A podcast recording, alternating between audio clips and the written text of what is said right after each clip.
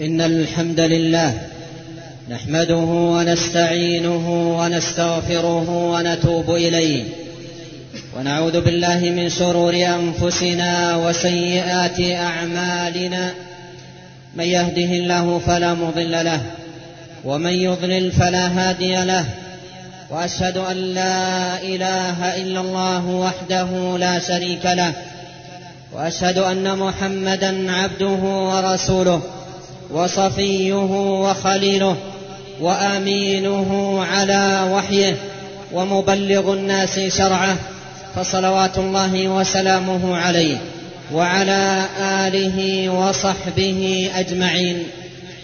أما بعد معاشر المؤمنين عباد الله اتقوا الله تعالى واعلموا أن تقواه عز وجل أساس الفلاح والسعادة والفوز في الدنيا والآخرة. عباد الله وتقوى الله جل وعلا عمل بطاعة الله على نور من الله رجاء ثواب الله وترك معصية الله على نور من الله خيفة عذاب الله. عباد الله خرج الخليفة الراشد أمير المؤمنين عمر بن الخطاب رضي الله عنه في عام مجاعة وقحط خرج بالناس يستسقي. خرج رضي الله عنه بالناس يستسقي فلم يزد على الاستغفار فقيل له في ذلك فقال لقد سألت الله عز وجل بمجاديح السماء التي يستنزل بها المطر ثم تلا قول الله تعالى فقلت استغفروا ربكم إنه كان غفارا يرسل السماء عليكم مدرارا ويمددكم بأموال وبنين ويجعل لكم جنات ويجعل لكم أنهارا. معاشر المؤمنين إن الاستغفار له مكانته العظيمة ومنزلته العلية في دين الله فهو أساس لاستجلاب الخيرات. وحلول البركات ونزول النعم وزوال العقوبات والنقم. الاستغفار عباد الله يرفع العبد من المقام الأدنى إلى المقام الأعلى ومن المقام الناقص إلى المقام الأتم والأكمل. الاستغفار عباد الله به تقال العثرات وتغفر الزلات وتكفر الخطيئات وترتفع الدرجات وتعلو المنازل عند الله تبارك وتعالى. جاء في الحديث الصحيح عن نبينا عليه الصلاة والسلام أنه قال طوبى لمن وجد في صحيفته استغفارا كثيرا. وصح عنه عليه الصلاة والسلام أنه قال من أحب أن تسره صحيفته يوم القيامة فليكثر فيها. من الاستغفار. وقد كان عليه الصلاة والسلام أكثر الناس استغفارا مع أنه صلى الله عليه وسلم قد غفر له ما تقدم من ذنبه وما تأخر.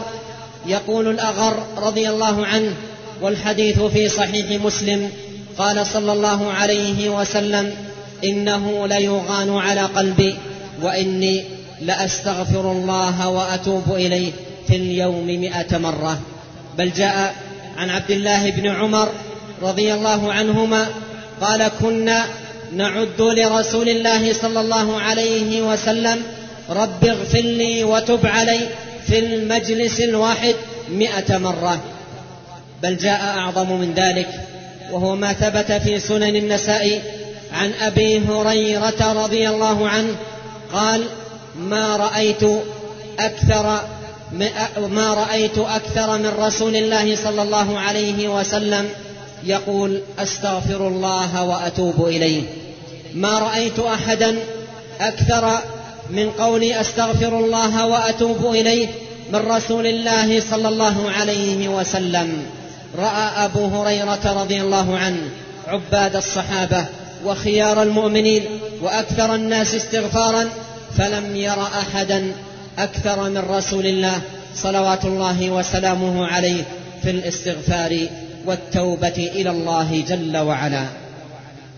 لقد كانت حياة نبينا صلى الله عليه وسلم عامرة بالاستغفار في أوقاته كلها ومجالسه جميعها إلى أن ختم حياته المباركة وعمره الشريف صلوات الله وسلامه عليه بالاستغفار إلى الله عز وجل. روى البخاري في صحيحه. عن أم المؤمنين عائشة رضي الله عنها وهي تروي قصة موت نبينا عليه الصلاة والسلام. قالت مات عليه الصلاة والسلام وظهره إلى صدري وسمعته يقول اللهم اغفر لي وارحمني وألحقني بالرفيق الأعلى. فكما أن حياته عليه الصلاة والسلام مليئة بالاستغفار وطاعاته عليه الصلاة والسلام مختومة بالاستغفار فقد ختم حياته العامرة ختمها بالاستغفار. مما يدل عباد الله على مكانة الاستغفار العلية وشأنه العظيم في دين الله وأن حاجتنا إليه حاجة ماسة. يجب علينا عباد الله أن نكثر من الاستغفار في أوقاتنا كلها وأحوالنا جميعها ولا سيما في الأوقات التي يتأكد فيها ذلك كأدبار الصلوات والثلث الأخير من الليل ونحو ذلك من الأحوال والأوقات. وقد كان عليه الصلاة والسلام يستغفر الله في سجوده ويستغفر الله في أول صلاته في بعض الاستفتاحات ويستغفر الله في خاتمة صلاته قبل أن يسلم. وإذا سلم قال ثلاث مرات أستغفر الله أستغفر الله أستغفر الله. فكان عليه الصلاة والسلام كثير الاستغفار. وقد قال الله جل وعلا لقد كان لكم في رسول الله أسوة حسنة لمن كان يرجو الله واليوم الآخر وذكر الله كثيرا. اللهم وفقنا للاقتداء بنبيك وحسن الاتباع له واجعلنا من عبادك التوابين المستغفرين. يا ذا الجلال والإكرام. أقول هذا القول وأستغفر الله لي ولكم ولسائر المسلمين من كل ذنب. فاستغفروه يغفر لكم. إنه هو الغفور الرحيم.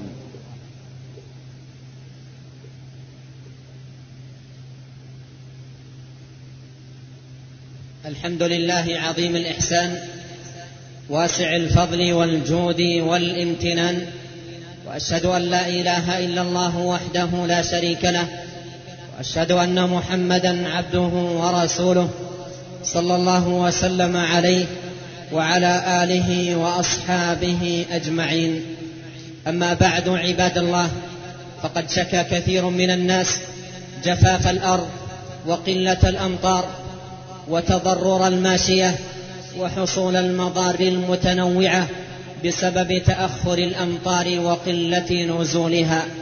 فما أحوجنا عباد الله والحالة هذه بل ما أحوجنا في كل حالة إلى ملازمة الاستغفار والإكثار منه. جاء رجل إلى الحسن البصري رحمه الله يشكو جفاف بستانه فقال له استغفر الله. وجاءه آخر يشكو الفقر والحاجة فقال له استغفر الله. وجاءه ثالث يشكو عدم الإنجاب. فقال له استغفر الله. فقيل له في ذلك قال لم أزد على كتاب الله عز وجل وتلا قول الله تعالى فقلت استغفروا ربكم إنه كان غفارا يرسل السماء عليكم مدرارا ويمددكم بأموال وبنين ويجعل لكم جنات ويجعل لكم أنهارا. اللهم اغفر لنا ذنوبنا كلها دقها وجلها أولها وآخرها سرها وعلنها. اللهم اغفر لنا ما قدمنا وما أخرنا وما أسررنا وما أعلنا وما أنت أعلم به منا. أنت المقدم وأنت المؤخر لا إله إلا أنت. اللهم اغفر لنا جدنا وهزلنا وخطأنا وعمدنا. اللهم اغفر لنا ولوالدينا وللمسلمين والمسلمات والمؤمنين والمؤمنات الأحياء منهم والأموات. اللهم إنا نستغفرك إنك كنت غفارا. فأرسل السماء علينا مدرارا. اللهم اسقنا وأغثنا. اللهم اسقنا وأغثنا. اللهم اسقنا وأغثنا. اللهم أغث قلوبنا بالإيمان وديارنا بالمطر. اللهم سقيا رحمة لا سقيا هدم ولا عذاب ولا غرق.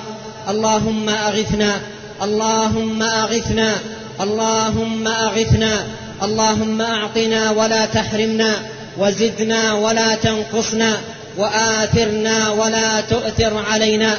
اللهم اللهم اسقنا الغيث ولا تجعلنا من القانطين. اللهم اسقنا الغيث ولا تجعلنا من اليائسين. اللهم إنا نسألك بأسمائك الحسنى وصفاتك العليا وبأنك أنت الله الذي لا إله إلا أنت. يا من وسعت كل شيء رحمة وعلما. اللهم إنا نسألك غيثا مغيثا هنيئا مريئا سحا طبقا. نافعا غير ضار عاجلا غير آجل.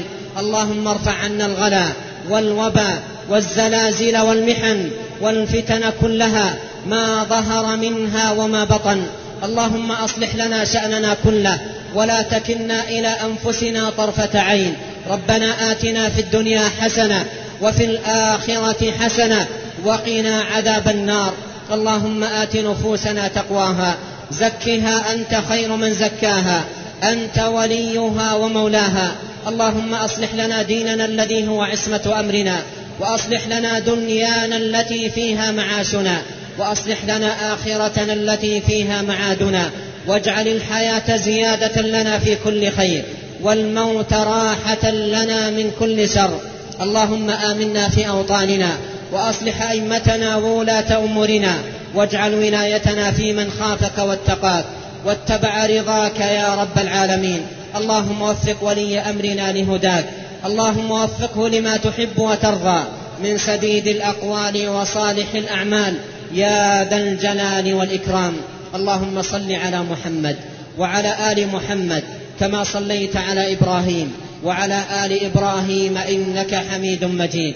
وبارك على محمد وعلى آل محمد كما باركت على إبراهيم وعلى آل إبراهيم إنك حميد مجيد.